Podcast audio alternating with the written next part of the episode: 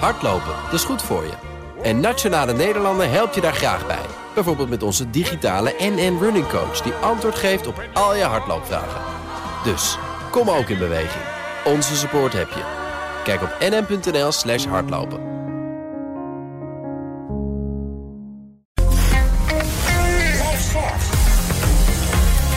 BNR Nieuwsradio. The Big Five. Art. Vanwege, hard, vanwege hardnekkige stemproblemen deed ik dit jaar een stap terug en viel letterlijk en figuurlijk stil. Na een traject van maanden ben ik nu hersteld en mag ik mijn eerste Big Five weken aftrappen. En dat met een toepasselijk thema: vallen en opstaan. Ik ga in gesprek met gasten die, net als ik, te maken kregen met tegenslag, ieder op zijn of haar eigen manier. Welke lessen hebben ze geleerd en hoe krabbel je na zo'n moeilijke periode weer op? Vandaag is Bas Witvoet bij me, oprichter van technisch uitzendbureau Oranje Groep en mede-eigenaar van Eurocaps, waar ze per jaar zo'n anderhalf miljard koffiecups produceren. En zoals quote eerder dit jaar over hem kopte, vol gas Bas, hoe Witvoet van bijna failliet naar een vermogen van 69 miljoen ging. Welkom. Dankjewel, dankjewel. Voordat ik het met je ga hebben over de Oranje Groep... Mooie intro. Graag, ja, wil ik graag eerst twee dingen van je weten. Uh, allereerst, ik heb het niet, maar is 69 miljoen, is dat nou veel of weinig? Ja, dat is gigantisch veel. Alleen, uh, het is ook maar een bedrag. Hè? Want kijk, als morgen mijn twee grootste bedrijven omvallen door de crisis. En dat, daar, dat, dat gaat niet gebeuren. Maar er gebeuren best wel dingen natuurlijk waar je geen vat op hebt. Dan is dat wel weer voor een heel groot deel weg. Ik heb, ik heb dat geld niet op mijn rekening staan. Het is allemaal geïnvesteerd. En um, als ik, als ik eh, morgen bij wijze van spreken een paar miljoen zou moeten investeren, dan moet ik dat wel weer even. Dat kan, dat kan niet zomaar. Dus het geld zit gewoon vast eigenlijk. Maar als je alles waardeert, dat, mensen kunnen ook kijken wat is mijn huis waard, wat is mijn overwaarde. Zo, zo moet je het zien eigenlijk. Ja, op die manier moet je naar kijken. Ja. Er zal ongetwijfeld momenten in je leven zijn geweest dat je je niet meer druk maakte toen je ging pinnen. als student kennen we dat allemaal. Ook als je begint met werken, red ik het tot het einde uh, van de maand. Voor mij wel een tijdje geduurd hoor. Ja. Ja. Is, dat, is dat misschien een groter gevoel van vrijheid dan zo'n bedrag als dit? Uh, ja, ja, dat is natuurlijk heel fijn. Uh, ja, denk het wel omdat dit dan, zoals je zegt, het zit ook een, op andere manier. Het is niet zo dat je dagelijks naar je, naar je bankafschrift Nee, dat, dat bedrag daar. Uh, kijk, uh, uiteindelijk, uh, dat bedrag is naar boven gekomen. Kijk, op het moment dat je weer een beetje in de schijnwerper stapt hè, met Dragons, dan, dan krijg je. Ja, ook met partijen, Dragons en Dragons Den, dat nu Dragon's Fireplay wordt ja, uitgezonden. Sorry. Ja, en dan, dan gaan ze natuurlijk ook stukken over je schrijven. En dan moet je eigenlijk je aangeven wat je waard bent. Dat had ik voor die tijd nooit gedaan. Dat wilde ik ook eigenlijk liever niet. Maar ja, als je A zegt, moet je B zeggen. Mm -hmm. En dat is dan wat, wat bij mensen ook blijft hangen natuurlijk. Uh, maar dat is maar een bedrag. Ik, uh, als ik het uh, morgen zou willen hebben op mijn rekening, dan is het er niet. Gaat niet lukken. Sterker nog, dan is het de helft. Want dan zeggen mensen, ja, je wil je bedrijf verkopen. Ja. Dan geef je de helft. Ja. De tweede vraag voor je waarmee ik wil beginnen... is wat nou het beste advies is dat iemand jou ooit heeft gegeven... toen je bedrijf bijna failliet was, toen je diep in de put zat? Um ja, ik denk dat ongevraagd, uh, ongevraagd zijn er een aantal mensen geweest die mij het, uh, het, uh, een advies hebben gegeven. Waarop ik eigenlijk ageerde. He, mensen zeiden: joh, misschien moet je maar je verlies nemen. Misschien moet je er maar mee stoppen. En dat heeft me eigenlijk alleen maar. Ik, daar werd ik een beetje opstandig van. en ik heb precies het tegenovergestelde gedaan. Advies in de wind geslagen? Ik heb wel advies in de wind geslagen, ja. ja dat zou ik nu minder doen, denk ik. maar toen had ik zoiets van: nee, nee, we gaan door. Ja. Je bent nu net, net boven de 50. Toen was je nog wat jonger en wat uh, eigenwijzer? Ja, veel. Uh, veel uh, nou, misschien niet eigenwijzer, maar wel. Ik, ik had gewoon maar één doel voor ogen. En dat is dat het bedrijf doen slagen. En niet slagen was eigenlijk was geen optie. Laten we eens naar het bedrijf kijken. De Oranje Groep. Uitzendbureau wat je oprichtte vlak voor de eeuwwisseling. Ja. Uh, ik noem het altijd een, een technisch uitzendbureau. Wat betekent ja. dat eigenlijk? Nou, het is eigenlijk zo dat wij dus uh, op dit moment in zeven landen uh, 2500 technici en, en vakmensen aan de slag hebben. Moet je denken aan timmerlui. Dus wij hebben 600 timmerlui in dienst uh, in, in, in die landen. En daar hebben we ook klanten die we bedienen. In de bouw en ook wel in de techniek. Techniek al wat eerder, denk ik. Is het zo dat de grote technische bouwbedrijven en dienstverleners. die hebben op een gegeven moment hun uitvoerende mensen ontslagen. En dan zijn we gaan werken met een flexibele schil. En toen zijn de, de vaklui eigenlijk naar partijen gekomen zoals ik. En ik, je moet eens bedenken dat wij meer timmerlui in dienst dan de top vijf bouwbedrijven in Nederland. Jullie leveren die, die specialisten eigenlijk aan. En dat is Ja. dan voor grote infrastructuurwerken, moet ik aan Grote, denken, maar ook wat kleinere. Maar eh? Als één timmerman verbouwen, dan komen jullie mensen nee, niet. nee, het, is, het is echt business to business. Ja. En dus de aannemer voert dan het project uit en jullie leveren daar de mensen voor. Kun je een schets geven hoe jullie er nu voor staan met de Oranje Groep? Omzet, landen, je zei al zeven landen actief. Ja, zeven landen actief. Dus wij zijn begonnen in, eh, in Nederland natuurlijk. En toen hebben we daarna eh, waren we het eerste uitzendbureau wat in België een uitzendvergunning eh, behaalde. Dat is eh 15 jaar geleden of zoiets. Dat had wel wat voet in aarde. Eh, en toen zijn we eigenlijk eh, uitgestapt richting Kroatië als eerste land. Terwijl iedereen eigenlijk naar Polen ging, zijn wij naar Kroatië gegaan. Omdat we een aantal, zelfs een aandeelhouder hadden die daar vandaan kwam. Dus die kon daar de zaken oppakken. Want je moet daar lokaal natuurlijk wel ook iets bouwen en omzet maken.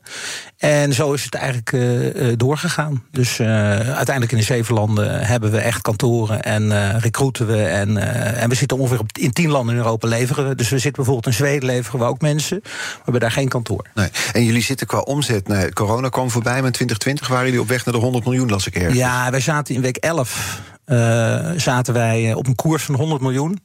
En, maar week 12 eh, was alles meer. lockdown. Ja. en toen ging ook alles dicht. In België gingen zelfs echt projecten helemaal dicht. Dus we, vielen 60% of zo terug in omzet. In een paar weken tijd. En eh, daarna zijn we best wel weer wat omzet gaan draaien, maar heel veel verlies door al, eh, alle quarantaines. Dus eh, wij werken natuurlijk voornamelijk met buitenlandse jongens. En die komen dan vanuit het buitenland hier naartoe. Dan moesten ze hier tien dagen in quarantaine. Dan konden ze pas werken. Nou, je kan niet tegen die jongens zeggen van we betalen die tien dagen niet.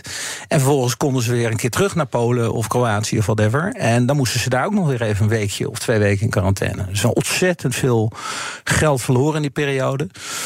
Maar eh, er wel doorheen gekomen. Maar een pittige tijd. Ja, dat geloof ik. En die, Ja. die omzet is nu weer terug naar richting de 100 miljoen. We gaan, eh, ja, we gaan nu dit jaar. eh, gaan we dus weer net niet aantikken. Daar baal ik van. Dat is wel een beetje een magisch getal voor mij dan, in ieder geval. We gaan dat niet halen dit jaar, maar we gaan wel dik in de, eh, boven de, ergens in de 90 halverwege. Ja, Ja, Het is mooi om ambities te houden. ja, natuurlijk. zeker weten. Die mensen waar je het over had, wat je net zei, dat zijn mensen, het zijn vaak buitenlandse jongens. Zijn dat dan even het stereotype beeldtype Poolse bouwvakkers die zo'n afgeracht busje door het land rijden met acht man ergens in een recreatiewoning zitten gepropt? Nou, dat, dat, eh, dat, dat, dat eh, is al even weg bij ons. Kijk, wij hebben grote klanten, grote bouwbedrijven. En eh, die eisen, en dat eisen we zelf ook, dat, dat ze in een goede bus rijden. Dat ze, dat ze de woningen waar ze in zitten, SNF gekeurd zijn. Dat is een keurmerk voor, voor de ABU en de MBBU. En die jongens tegenwoordig, ja, je kan ze in een slechte woning zetten. Of je kan ze in een oude bus zetten. Maar dan zijn ze de week daarna weer weg. Hè, of je kan ze. personeelstekort, ze kunnen overal terecht. Je? kunnen overal terecht. En dat is eigenlijk al best wel heel lang gaande. Structureel is er gewoon een groot tekort. Dus eh, mensen op twee man op een kamer. Nou, met een vader en een zoon vinden ze dat soms. Maar het is allemaal, eh, het is allemaal wel echt goed geregeld. Dus de, de excessen waar jij op doelt, dat zijn. eh, ja, dat gebeurt in mijn branche. Met de klanten die ik heb, niet meer. Wat is het, het grootste dilemma op dit moment, of de grootste uitdaging voor jullie? Want je had het over personeelstekort. Dat lijkt me lastig ook in die Ja, nou, mijn, mijn allergrootste uitdaging op dit moment is aan mijn klanten uitleggen dat eh, volgend jaar de tarieven 15% omhoog moeten. En misschien wel meer. Dat is natuurlijk, eh, ja, dat is, dat is helemaal niet, dat is, dat is echt vervelend. Want eh, mijn klanten hebben vaak ook al wel werk ingekocht voor volgend jaar. En eh, ik, natuurlijk, iedereen begrijpt wel dat die 15% niet uit de lucht komt. Dat eh huisvesting 25% duurder is geworden. Brandstofkosten 25% duurder. Salarissen, ja, dat kan wel in een CEO 5% staan. Maar eh, als mensen 500, 600 netto per week verdienen... dan willen ze er nu zeker eh 10% bij en misschien wel meer. Want anders kunnen ze gewoon hun energie niet betalen. En dat is niet alleen in Nederland gaande, maar ook in Polen... en ook in Kroatië gaan de prijzen omhoog. Hè, supermarkten. Dus, dus 15% misschien, en, en soms zelfs meer eh opslagvragen hebben klanten. Ja, dat, dat hebben wij nog nooit gehad. Dat is gigantisch. En daarom denk ik ook dat die inflatie... Hè, dat gaat natuurlijk vanaf 1 januari nog veel zwaarder doortikken. Want wij, wij snijden nu bijna op het bot. Dus we, we blijven natuurlijk, eh, we moeten die mensen meer betalen, anders, anders zijn ze weg. Want ze gaan nu echt wel overstappen voor geld. Dat was in het verleden wat minder. Eh, maar we, om ze te behouden en ook de klanten te kunnen bedienen, moet je dus dat tarief omhoog gooien. Ja, dus denk je dat grootste gaat vanaf 1 januari nog meer toenemen, bedoel je? Tuurlijk, want als wij onze tarief. Kijk, wij hebben nu eh, vragen we 35 euro. En dan moet het straks moet dat naar 40 euro. Of 42 euro, whatever. Maar daar, daar gaan mensen iets van merken. Hè, ik denk dat er heel veel partijen zijn die een jaarcontract hebben om iets te leveren. Of het nou een product of een dienst is. Maar dan van 1 januari kunnen we er wat aan doen. Dus moet die inflatie gewoon een enorme stijging gaan maken. Nog vanaf 1 januari. The Big Five. Art Rojakkers. Met vandaag de gast Bas Witvoet, oprichter van de Oranje Groep, mede-eigenaar van Eurocaps, van de Coffee Cups. Hoeveel maken je dan ook weer per jaar? Ik noemde net. Wij, wij maken er, eh, ja, ik denk wel eh, anderhalf miljard. Ja. ja, echt wel die orde van grootte is. Ja, zei hij terwijl hij een slok koffie nam. Valt me dan op, hè? Ja. Ehm, Rond de kredietcrisis ging het hard bergafwaarts met de Oranje Groep. We hadden het er net al kort over. 2011 hebben we het ongeveer over. Wanneer had je door, dit wordt een crisis, dit gaat ons raken? Eh, ja, ik, wat betreft ondernemen was ik in die tijd wel echt een beetje eh, de Chinees die geen Amerikaans sprak en in New York eh, zat en niet eh, door had dat het een dikke crisis was. Ik was gewoon lekker aan het stampen en ik keek niet zoveel naar mijn concurrenten. Ik, ik, ik, ik was gewoon mensen aan het plaatsen en daar ging heel veel energie in. En eh, ik dacht, wij zaten vaak ook vrijdag nog eh, om 8 uur, 8 uur, 9 uur s'avonds waren we nog mensen aan het plaatsen. Of zaterdag. Hè, want ja, kijk, dan neemt de directeur op. Hè. Dan heb je meteen een goede, goede man te pakken natuurlijk. Dus dat is heel laat ingedaald bij mij. En eigenlijk eh, pas toen het, toen het veel te laat was, heb ik daarop gereageerd. Want Op ik wat voor manier? Tja, ik, ik, eh, wij hebben uiteindelijk hebben we er een, eh, een externe bij gehaald, omdat ik een bepaalde mening had over de koers. En eh, ja, dat was gewoon heel ingewikkeld. Eh, en, je, en je eigen vlees snijden, dat is echt niet leuk. Want daar komt het op neer, je moet mensen laten gaan. Je moet mensen laten gaan. Ja, en ook eh, je kan dan de familie eh, bijna niet meer eh, bij elkaar houden. En dat was eh, voor mij heel lastig. En daarom heeft het ook veel te lang geduurd. Ik had veel eerder. eh, eh, wij hadden veel eerder in moeten grijpen, denk ik. Ja. Maar eh, ja, dat is ook wel weer het succes wat ik heb gehad later. Ja, met dat familiegevoel. Ik heb je er eerder over horen vertellen. Je had een goede vriend die bij je werkte, die voor je werkte. Ja. De crisis werd zo hevig dat je zelfs die goede vriend moest laten gaan. Ja, dat had meer te maken met het eh, op de box zitten. Hij, hij, hij- dus eh, een goede vriend van mij was de algemeen directeur. Ik zat eigenlijk ernaast. Ik deed heel veel de rest. Maar ik, had dus, ik was dus niet. Eigenlijk was ik niet baasje op dat moment. Eh, maar als er dan zo'n grote. Zo'n grote je zit op zee en er komt zo'n grote trechter, zo'n watertrechter op je af. Eh, ja, dan wil je dat, toch dat, dat stuur zelf weer pakken. En dat had, eh, had denk ik eigenlijk minder met hem te maken, meer met mij te maken. Dat op het moment dat er echt gevaar is, dan wil je gewoon het heft in handen hebben. Dan, ik kan niet naast iemand zitten met stuur in handen. Eh, Tenminste, toen niet. Had ik de rust niet voor. als er echt een orkaan aankomt. En dat was gaande. Dus ja, ik heb hem aan de kant geduwd. En dat was heel pijnlijk. En godzijdank hebben we dat later wel weer uitgepraat. Want we zijn wel kerels natuurlijk. Hè? Ja. En nu weer vrienden dan ook, of Ja, dat niet? absoluut. Ja. ja. Dat lijkt me een pijnlijke beslissing. Ja, op dat moment is dat helemaal niet pijnlijk. Want dan eh, kies je gewoon voor jezelf en voor je bedrijf. Zo simpel is het Ja. als je als ondernemer denkt. Ja, zeker weten. Maar eh, achteraf wordt het steeds pijnlijker natuurlijk. Hè, en je dus? ziet ook de pijn van de anderen niet op dat moment. Want je bent bezig met overleven. Ja. Maar, maar vertel eens, achteraf wordt de pijn wel duidelijk. Ja, achteraf zie je wat je gedaan hebt. En denk je van, nou, dat had wel iets chiquer gekund. Wat had je nu met de kennis van nu anders gedaan? Nou, meer met hem gepraat. Ik heb gewoon eh, hem veel te weinig geïnformeerd. En bij, en bij mijn eigen koers gaan varen. Ja, je moet de mensen, als je mensen mee wil krijgen, moet je toch af en toe een beetje communiceren met ze. En ik was gewoon kop in de winter gaan. Ja. Had dat, want je zegt het had misschien niet eens per se met die crisis te maken, maar toch tegelijkertijd, je had volgens mij toen 120 man een vaste dienst. Ja. Hoeveel geld verloren jullie op dat moment per maand? Nou ja, de, een timmerman was toen eh, was dat gewoon eh 25.000 1000 euro per week per timmerman. Dus 100.000 per week verloren. Vloog eruit.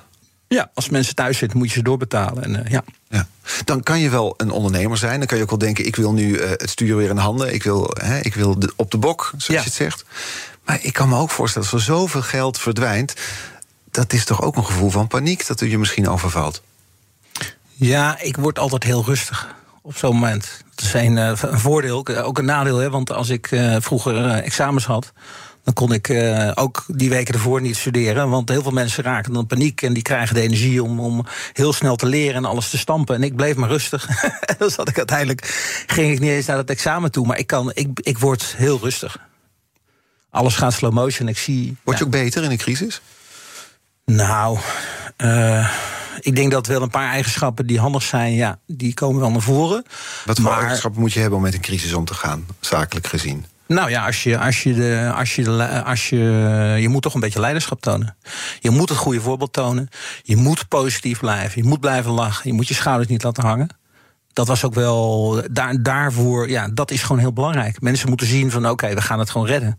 Als de, degene die de kaart trekt uh, zijn schouders laat hangen, ja, dan is het afgelopen. Ja. En tegelijkertijd, je had een leven, je beschreef het als een, een, een, een onderneming die goed ging. Ja. Uh, op zaterdag zelfs, want dan pakte de directeur op, jullie gingen maar door. Ja. Dus een leven van, uh, van weldaad, van luxe ook, van een succesvol ondernemer zijn, viel weg. Wat deed het met jou persoonlijk? Uh, nou, dat, dat ik. Uh, kijk, ik zat. Uh, toen de crisis echt toesloeg, zat ik inderdaad op het hoogtepunt van mijn uitgavenpatroon. dus dat kan je ook niet zo mooi omschreven. Ja, dure auto's, dure huizen. Ja, nee, een duur huis, net gekocht. En uh, ja, ook, uh, ook auto's ben ik helemaal gek van. En ik gaf gewoon wel veel geld uit. ik smeet het niet over de balk, maar gaf wel mhm. geld uit. En dan komt die crisis. Dus en dan komt de crisis. En ja, eigenlijk, dat heeft mij totaal niet geraakt. Dat ik in één keer niet meer een nieuw jasje kon kopen... of een nieuw truitje of een andere auto. Dat heeft mij absoluut niet geraakt. Nee, nee, nee. Ik zit even nee te kijken of dat nou klopt. Ik kan me dat zo moeilijk voorstellen. Ja, maar er is toch niks leukers om weer helemaal terug naar je studentenkamer uh, te gaan en uh, op, de, op, op balkon te barbecuen en gewoon van daaruit weer alles op te bouwen. Ik kan heel veel dingen bedenken die leuker zijn dan dat. Ik moet Weet ik niet. denken om weer terug te gaan naar mijn studentenkamer. Nee, maar ik was, ik was, was echt heel vies. Ik was, ik was 40. Dus ik, ik had nog, ik dacht van nou, dit, dan gaat het mis. Dan gaat het maar mis. Maar ik ga, ik ga door tot het gaatje.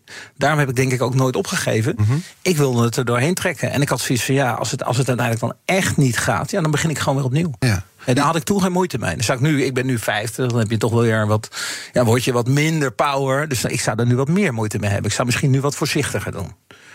Want toen zei je ook, je zei in een interview... als het misgaat, dan gaat ook alles mis. All in. Was Vertel. All in. Nou ja, uh, je zit dan uh, op je werk. Uh, je relatie gaat, gaat stuk. Had het te maken met de crisis? nou, ik, ik, denk dat ik uiteindelijk wel van haar gescheiden was. Ook als het goed was gegaan. Zegt hij met een glimlach. was, nee, dus dat, maar het was, dat gaat allemaal wel eerder. Ja. en het heeft gewoon zijn weerslag. Kijk, successen deel je met iedereen. En op een of andere manier zijn dingen die niet goed gaan, ja, dat hou je een beetje voor jezelf. Hè? En ik kon ook niet helemaal open zijn naar iedereen, omdat je het vaandeldrager bent van het bedrijf. Mm -hmm. Dus dat, dat, ja, iedereen moest wel uh, zien dat je er vertrouwen in had. En, en als alle problemen op tafel waren gekomen voor iedereen, dan hadden heel veel mensen afgehaakt, denk ik. Ja. Nou, dan wil ik toch daar eens op inzoomen. Want je bent 100.000 euro per week vliegt uit het bedrijf... omdat mensen thuis zitten die je wel moet betalen. Ja. Je moet terug naar de studentenkamer. Het leven van de dure huizen. Ja, dat heb ik niet gedaan, hè, oh, die studentenkamer. Nee, maar nee, dat huis kon ik niet vanaf. Nee, want je woont in België, hè? Ja, ja, en daar kon de bank niet bij? Nee, ja, eh, dat was gefinancierd in Nederland. En ik had een enorme achterstand. Ja. Maar die, uh, dat was een Nederlandse bank. En die wisten gewoon niet hoe ze dat huis uh, moesten veilen. Ja. Als het in Nederland had gestaan, dan was ik toen mijn huis verloren. Goed, nou, je staat niet zo erg geweest. Nee, maar je staat onder druk. Misschien raak je je huis wel kwijt. Je, je, relatie gaat uit. Je bent geld aan het verliezen met het bedrijf. Misschien overleeft het wel niet. En dan zeg je, hier, dat is toch niks leuker dan dat? Dat geloof ik niet. Nee. Wat zijn de momenten als je de deur achter je dichttrekt dat, dat daar Bas Witvoet zat en dacht... beschrijf eens hoe jij dan erbij zat in je eentje op een donker moment. Ik heb nooit, nooit, nooit opgegeven. En ik, ik heb me opgetrokken aan hele simpele dingen. Ik, ging, uh, ik, ik kon niet slapen, dus ik ging googlen. Ik ging uh, kijken naar mooie auto's die ik nooit kon kopen. Of een mooie keuken. Of, ja, of huizen die, die al helemaal onbereikbaar waren. Ik, ik ging wel... Ja, daar ging ik. En dat, dat leidde mij af van de problemen die er waren. Mm -hmm. Dus ook ontkennen? Misschien. Was je, was je bang? Was je boos? Was je verdrietig? Nee, ik was, zat echt in overleving. Je ben, ik weet niet of je dan bang of boos of verdrietig bent. Want het scenario van dat het misgaat, is, uh, dat hangt wel boven je. Maar daar kijk je helemaal niet naar. Je wil gewoon vooruit en je wil je doel halen. En je wil die tenten uit het, uh, uit het donkere stuk trekken. Mm -hmm. Dus daar... een crisisstand. Crisisstand en uh, totaal uh, onrealistisch, denk ik. Dus uh, hè, kans berekenen was ik vroeger goed in. Een ja. paar procent kans. Die heb ik gepakt. Die heb ik gehaald en daar heb ik ook weer geluk mee gehad. Want het had ook, hè, als wij uh, Eurocaps niet tegen waren gekomen, uh, dan, was het, uh, dan was het misschien, had het niet overleefd, denk mm -hmm. ik. Ja. En Eurocaps was ook nooit geluk zonder Oranje. Dus dat heeft elkaar weer. ja, dat gebeurde door een bijzonder toeval. Je, je schoof aan bij Pauw en Witteman. In 2011 was dat met twee andere ondernemers. Klopt. en na die uitzending benaderde iemand jou of je wilde meedoen aan de Euro, Eurocaps. Ik zeg Eurocaps. Eurocaps. Ja, dat had toen nog geen naam. Maar hij, ik weet nog dat ik ehm, terugkwam in België. Uh, dus ik woon, ik woon net over de grens. Ik kwam vanuit Amsterdam. Uh, Is het dan en, vanwege de belasting dat je daar gaat wonen? Nee, ik ben voor de liefde naar België gegaan. En later was het wel handig voor de belasting. Liefde voor oh, oké, okay, ja. ja. Dus dat is een uh, geluk bij een ongeluk geweest. Maar ik ben nooit uh, voor het geld uh, naar België verhuisd. Hm. Nee. Het, het, papiertje van de verhuizing, dat, dat, daar staat niet zoveel op. Dus je, je reed terug naar België, naar je huis? En... Ik reed naar België en toen had ik in één keer... mijn wifi pakte niet bij de poort. En toen... Moet je niet in België gaan wonen, hè? Wat zeg je? Moet je ook niet in België gaan wonen? Nee, eens. Helemaal eens. Ja. Maar, maar toen had ik 44 LinkedIn-verzoeken. En dat was in 2011 was dat veel. Mhm. Mm -hmm. Dus die, ik geloof dat die uitzending was 11 uur s'avonds. Ja. En toen uh, zat daar een berichtje bij van iemand die zei van ja, ik heb een uh, koffiecupje, een producent van koffiecupjes ontdekt, Nespresso koffiecupjes. Dat was toen nog maar net. Het was niet open, maar er waren net wat andere producenten in de supermarkt lagen. Mm -hmm. En hij zei dat is een goed cupje en dat wil ik in de markt zetten. Ja. En uh, dat is. Ja. The rest is history. We komen er zo op terug. We gaan er uitgebreid nog over te spreken te komen. Dat doe ik met, uh, met Bas Witvoet. We hebben het dus ook over opkrabbelen na een crisis. En misschien wel de lessen die, die we daaruit kunnen trekken samen met hem. Morgen is trouwens Jaap Koelewijn hier te gast. Ex-hoogleraar Corporate Finance aan Nijenrode. Dus abonneer je op onze podcast via je favoriete podcastkanaal... om geen aflevering te missen. En nu, blijf luisteren. Tot zo. Hardlopen, dat is goed voor je. En Nationale Nederlanden helpt je daar graag bij. Bijvoorbeeld met onze digitale NN Running Coach... die antwoord geeft op al je hardloopvragen. Dus, kom ook in beweging. Onze support heb je. Kijk op nn.nl slash hardlopen. Business Booster. Hey ondernemer, KPN heeft nu Business Boosters. Deals die jouw bedrijf echt vooruit helpen. Zoals nu, zakelijk tv en internet, inclusief narrowcasting... de eerste 9 maanden voor maar 30 euro per maand. Beleef het EK samen met je klanten in de hoogste kwaliteit. Kijk op kpn.com slash businessbooster. Business Booster. BNR Nieuwsradio. The Big Five. Art Rooijakkers. Welkom bij Tweede Half Uur. Deze week vijf kopstukken uit de wereld van het vallen en opstaan. Later deze week praat ik nog met ex-profvoetballer Glenn Helder... over de bonte perikelen in zijn leven. Vandaag de gast Bas Witvoet, oprichter van technisch uitzendbureau Oranje Groep... en mede-eigenaar van Eurocaps. Eurocaps, hoe zeg ik het nou goed eigenlijk? Ja, wij begonnen gewoon met Eurocaps. Eurocaps. Maar we zijn wel meteen de grens over gegaan. Ja, dus nu maken we het Eurocaps dan. Ja, komend half uur wil ik in ieder geval nog twee onderwerpen met je bespreken. Namelijk het moment dat je weer opstond en wat er dan allemaal komt kijken bij een val. Uh, om met het laatste te beginnen. Je, je, noemde hem net ook al zo heel kort even die anekdote over de Rolls-Royce Phantom. Ja. Uh, die heb ik vaak ge ge gelezen en gehoord ter voorbereiding op dit gesprek tijdens die crisis was een troost voor jou om s'nachts te googelen naar bijvoorbeeld zo'n hele luxe Rolls Royce. Om jezelf maar een soort perspectief te geven. Vat ik het zo goed samen? Ja, zo moet je dat zien. Ja, dat was echt gewoon kijken naar auto's. Ik wist in alle landen wat de prijzen waren en waar ik hem dan ging halen. En wat het kostte. En het is natuurlijk een, uh, een auto die veel, veel meer over de top kan het niet dan die auto. En daarom wordt hij ook wel weer steeds leuker, vind ik. Maar uh, toen was het voor heel veel mensen heel serieus. En dat was gewoon echt ja, de top of de top. Mm -hmm. En dat vond ik wel mooi. Ja. En dan zat daar dus s'nachts, zit Bas Witvoet daar... terwijl zijn bedrijf, nou ja, misschien wel in het voorbestaan wordt bedreigd... te, te zoeken naar zo'n luxe auto. Ja, die luxe auto. Ik heb ook nog... Wat uh, zegt dat verhaal? Uh, ja, dat ik, dat ik, dat ik, dat ik, uh, ik kon niet slapen. Ik zocht afleiding en ik zocht een horizon eigenlijk. Uh, als je op een gegeven moment, uh, hè, dat hebben we ook, ook wel uh, bepaalde crisissen. Op een gegeven moment zeggen mensen: het wordt nooit meer zoals, het komt nooit meer terug. Maar dat is natuurlijk allemaal onzin. Mhm. Mm -hmm. Als je de boekjes leest, komt het altijd weer terug. Dus die horizon die komt weer terug. Alleen die is er dan niet. En dat is heel ingewikkeld. En dat is waar mensen heel wiebelig van worden. En ik, ik heb dan maar. Ik ben niet naar die horizon gaan kijken. Maar de Rolls Phantom en de Lacornu keukens. En uh, alles. Uh, ja, een beetje die kant op. En dat klinkt heel simpel. Maar dat was mijn. Uh, uh, manier om, om een bepaalde horizon te krijgen. Ja. Andere mensen grijpen naar de fles. Ja. Ja, nou, ik, ik dronk zeker een drankje, maar ik drink thuis eigenlijk nooit. Nee. Dat is mijn voordeel. Ja. Ik begrijp, wel, maar, ik begrijp hem je nog niet, nog niet hebt aangeschaft, hè, die Rolls Royce. En het is Nee. natuurlijk een, het is een mooi verhaal. Het is een mooie anekdote. Het is ook een soort standaard eh, verhaal in het oeuvre van Bas Witvoet. Eh, als ik ja, daar dat een beetje, past wel bij mij. Ja, Dat als ik naar luister. En als je kijkt naar jezelf, want het is inmiddels tien jaar geleden, meer dan tien jaar geleden. Ja. We hebben het over 2011. Als je naar jezelf nu, de Bas Witvoet van nu, terugkijkt naar de man van toen. Toen stond je in de stand gaan, doorgaan, knallen. Ik Ja. moet het bedrijf redden. Al is er maar een paar procent, het moet goed komen. Als je nu met de kennis die je nu hebt, eh, het klimmen der jaren doet dat met een mens. Ja. Kijk je dan met meer compassie? Zie je dan iemand die toch ook kwetsbaar was?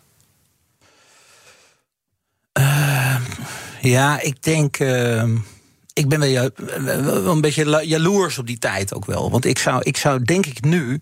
zou ik misschien af en toe iets meer mijn verstand eh, inschakelen. en kijken wat ik nog van tafel zou kunnen halen. Om, eh, hè, dus ik, ik, zou, ik zou niet meer alles inzetten. Toen ging ik gewoon alles op rood en gaan. En nu zou ik zeggen, 80% op rood, dat is nog best wel veel. En die 20% die haal ik vanaf. En als het failliet gaat, dan heb ik in ieder geval nog mijn huis of, of iets. Hè, Even geldzaken dan. Ja. Ja. Had je destijds door, ik zet alles op rood... en dus kan ik ook alles kwijtraken? of was dat iets waar je niet eens mee bezig was? Nou, ik was er niet mee bezig, maar ik besefte wel dat ik alles kon verliezen. Ja, ja. En dat, dat, maar daar werd ik eigenlijk vrij rustig van. Ik dacht van ja, oké. Misschien loop je tegen een verschil aan karakters aan... maar ik zou er toch nerveus van worden. Ja, maar die nervositeit die zette ik om in, eh, in daadkracht en naar voren. Ja, dus ik, ik, ik, ik, ga, ik maak echt een eh, vlucht naar voren, zoals ze dat noemen. Ja, vechten. Ja, Ja. absoluut. Dat, dat eh, past ook mooi bij de kettingvraag die hier gesteld wordt door Liane Den Haan, lijsttrekker. Tweede Kamerlid voor de nieuwe oude partij Goud Nederland, waar ze dus ook lijsttrekker voor is. Zij had deze vraag voor jou. Ja, ik heb natuurlijk over hem gelezen en ik las dat hij op een moment dat hij echt op, op het dieptepunt zag, eh, zat, dacht van ik moet vechten of vluchten. En hij heeft gekozen voor vechten. En ik zag dat hij het ook een beetje in stilte had gedaan. En ik vroeg mij af in hoeverre heb je nou, waar heb je nou kracht uitgehaald? En eh, in hoeverre heeft het ook iets gedaan met het vertrouwen in mensen om je heen? Je staat erover na te denken. Ja. Ja. Ja, mooie vraag.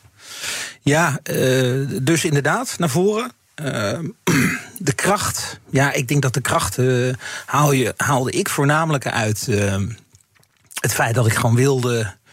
eh, eh, wilde succes wilde vieren. Ik wilde er iets moois van maken. En mijn kindje, ja, dat wilde ik. Ik had toen nog geen kinderen. Ik, ik, dit was mijn kind. Dit was mijn leven. En dat wilde ik niet weg laten gaan. Dus daar vecht je dan voor op dat moment, denk ik. Ehm, En ze vroeg ook naar wat het doet met het vertrouwen in de mensen om je heen. ja, ik denk op dat moment eh, is dat vertrouwen in de mensen om je heen helemaal geen punt. Want daar ben je helemaal niet mee bezig. Je bent gewoon eh, naar voren aan het kijken en hup, hup, hup. Eh, er is wel een periode geweest dat ik doorkreeg dat eh, bepaalde mensen om me heen ook wel met mij anders, anders met mij omgingen. Hè, zoals gezegd, successen vier je met iedereen. Maar nederlagen, dan, dan het stadion leggen. Dat merkte je. Ja, en dat, dat heeft mij wel geraakt. Maar daarvan wil ik ook wel weer zeggen dat je dan later. Ja, dat is gewoon menselijk gedrag. Daar kan je allemaal wel wat van vinden. Maar er zijn gewoon heel veel mensen die, eh, die met eh, succes eh, meezingen. En met een nederlaag gewoon als, voordat de wedstrijd is afgelopen het stadion uitlopen. Ja, en die mensen hebben zich vergist. Want uiteindelijk was de wedstrijd nog niet afgelopen. En heb ik toch nog een paar doelpuntjes Voor gemaakt. de blessuretijd moet je misschien gaan. Ja, de wedstrijd wordt verlengd. Ja, toch? Maar toch is het, je hebt het de, de bekende nummer van het goede doel. Vriendschap is een illusie. Moet ik het zo zien? Nee hoor, ik heb, ik heb eh, nee, voor mij helemaal niet. Ik, eh, ik heb eh, best wel, nou, veel, ik noem ze vrienden. Nee, ik vind vriendschap fantastisch. Alleen er zitten altijd, je hebt altijd vriendengroepjes. En er zijn altijd mensen bij die, die daar toch anders op reageren.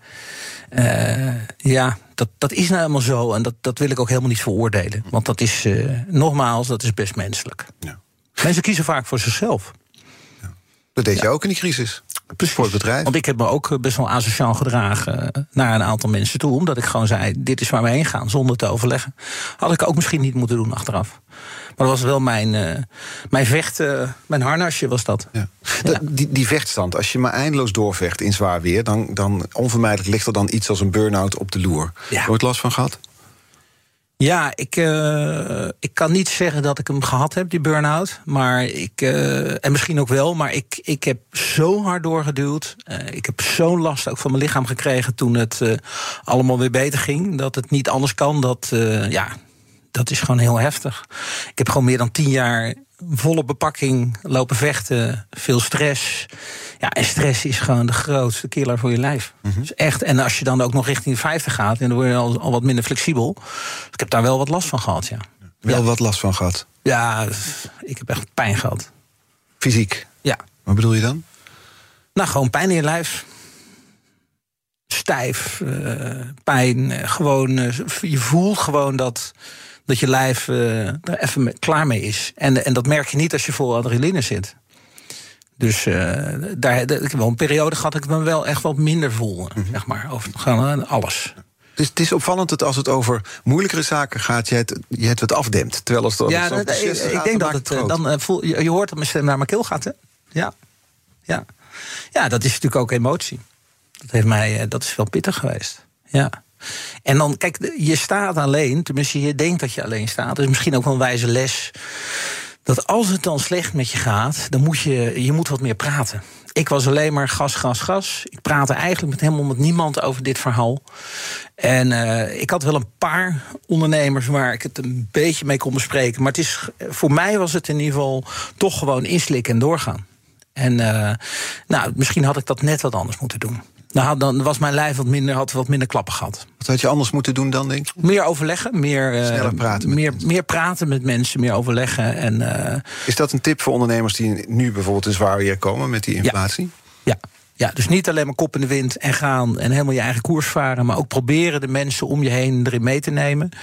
Ook niet, uh, he, je kan niet alles vertellen, denk ik. He? Als er een deurwaarders zijn die eh, je bedrijf failliet willen verklaren... ja, als je dat tegen iedereen gaat vertellen, dan wordt het verhaal... dan ben je weg. Mm -hmm. Maar toch iets meer delen, waardoor het uh, toch wat uh, meer te behappen blijft. De stress. Want de stress is echt een killer voor, uh, voor ondernemers. Als je maar met stress in je, stress in je lijf blijft lopen... Veel te, dan, dat is, daar word je wel ziek van. Ja. En dat werd je dus? Ja, nou ja, ik ben nooit helemaal echt ziek geworden... maar ik had wel overal pijntjes en dingetjes. ja. Maar je, had het, je zei dat duurde tien jaar, maar de, de, jouw bedrijf was er sneller bovenop dan binnen die tien jaar. Ja, maar ik, ik ben wel gewoon uh, het randje blijven zoeken en met groeien ook. Waardoor ik steeds weer, hè, als het dan beter ging, dan wilde ik ook weer nog beter. En uh, ja, ik, zei, ik, ik liep vroeger uh, de winkel in uh, bij Alkmaar. Dat was Stora, was dat. Dat was een, uh, dat was een zaak waar ze al die elektronica verkochten. Mm -hmm. Dat was de gebroeders Molenaar van AZ. En dan liep ik binnen en dan had ik geld gespaard voor een Sony dingetje. En dan wilde ik met de Akai iCube naar buiten lopen. Maar dat was net weer een paar honderd duurder. Dus ik, ik kies dan altijd iets wat ik net niet heb. En dat ben ik blijven doen. Dus ook toen het bedrijf weer goed ging, ben ik... Ben ik groeien, groeien, groeien. He, en dat, dat is wel heel vermoeiend natuurlijk. Een crisis bij een bedrijf houdt natuurlijk niet op wanneer de crisis ophoudt. Je wil daarna weer terug, je wil groeien, je wil groter worden. Precies. Precies, en dat geeft ook stress. Want dan maak je ook keuzes die misschien niet altijd even handig zijn. Want je blijft natuurlijk gewoon wel bepaalde risico's lopen. Doordat je maar die groei wil pakken. He, en dan, dan uh, ja, als er dan een paar klanten zijn die niet op tijd betalen of niet betalen, ja, dan mm-hmm. zit je weer. Ja. Weinig buffer. Ja. Dat is wel veranderd nu, gelukkig. Ja. Ik heb een hele goede CFO nu.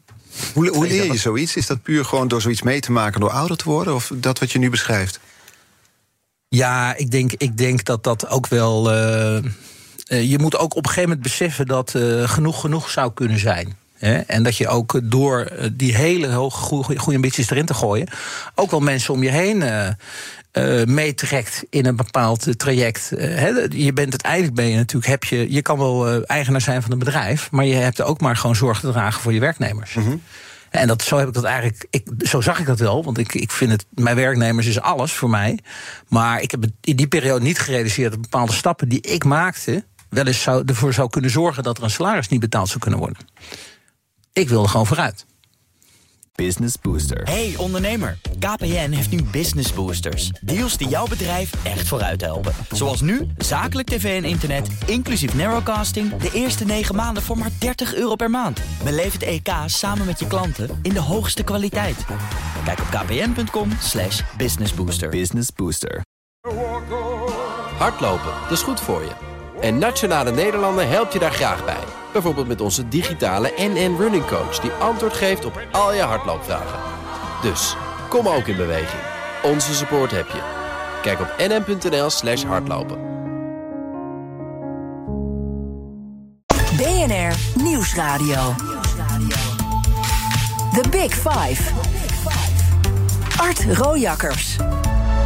Vandaag in gesprek met eh, Bas Witvoet, oprichter van de Oranje Groep, mede-eigenaar van Eurocaps. Wat een bijzonder verhaal is, hoe je daar eigenlijk eh, mee in aanraking kwam. We hadden het al kort over, te gast bij Paul Witteman in 2011, midden in de crisis. Daarna kreeg je een bericht uh, of je mee wilde doen op... Uh, nou ja, het patent op de Nespresso Cups verliep of je mee wilde doen in Eurocaps. Zo geschieden. niet alleen dat, het werd zeer succesvol, kunnen we wel zeggen. Ja. En je hebt je schulden afbetaald door aandelen te verkopen van Eurocaps. Ja, dat was eigenlijk de eerste keer dat ik geld op mijn rekening had, denk ik. Dat is nu een jaar vijf geleden. Toen verkocht ik de helft van mijn aandelen uh, aan een investeerder. Um, en ja, toen had ik in één keer geld op mijn rekening. Mm -hmm. dus, uh, maar ik had voor die tijd dat ik het wel redelijk gestretched. Dus ik moest wel meteen uh, iets van 2 miljoen terugbetalen aan mensen. Mm -hmm. En wat voor mensen zijn dat dan?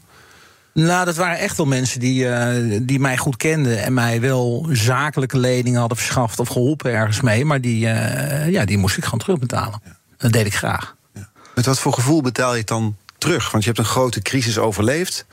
Uh, en en dan, dan komt er een nieuw bedrijf. Dat ja. is zeer succesvol. Dan lukt het om daar de middelen uit te halen, het geld uit te halen, de aandelen te verkopen. En daarmee ook een miljoenen schuld dus af te lossen. Ja, nou ja, het is gewoon heel fijn om je schuld in te lossen. Ik heb daar nooit over getwijfeld. Maar uh, als je dit van een afstandje bekeek, dan kan je er wel je twijfels bij gehad hebben. Dat begrijp ik wel. Maar ik. Uh, zou die twijfels geweest kunnen zijn? Nou, dat je het gewoon niet terug kan betalen, omdat je bedrijf failliet gaat. Mm -hmm. He, en dan moet je weer beginnen en dan, ja, dan duurt het even. Mm -hmm. Maar ik heb, uh, ik heb altijd alles terugbetaald en daar ben ik ook heel trots op en heel blij om ook. Mm -hmm. Ja. Je had, ja. uh, jullie deden het met z'n drieën, jullie ongeveer 60% van de aandelen van Eurocaps, dacht ik. Uh, zo zijn we begonnen, ja, ja. klopt. Dus dan zat je op uh, 20% ongeveer, de helft verkocht, ongeveer 10%. Eerste richting, ja. ja. Klopt wel. Ja. ja. Dat zijn mooie bedragen dan toch? Ja, dat zijn echt mooie bedragen. Ja, ja, dat is echt groot geld. Ja. ja. ja. Ik laat de stilte vallen. Ik dacht, hij gaat nu nog wat meer erover zeggen.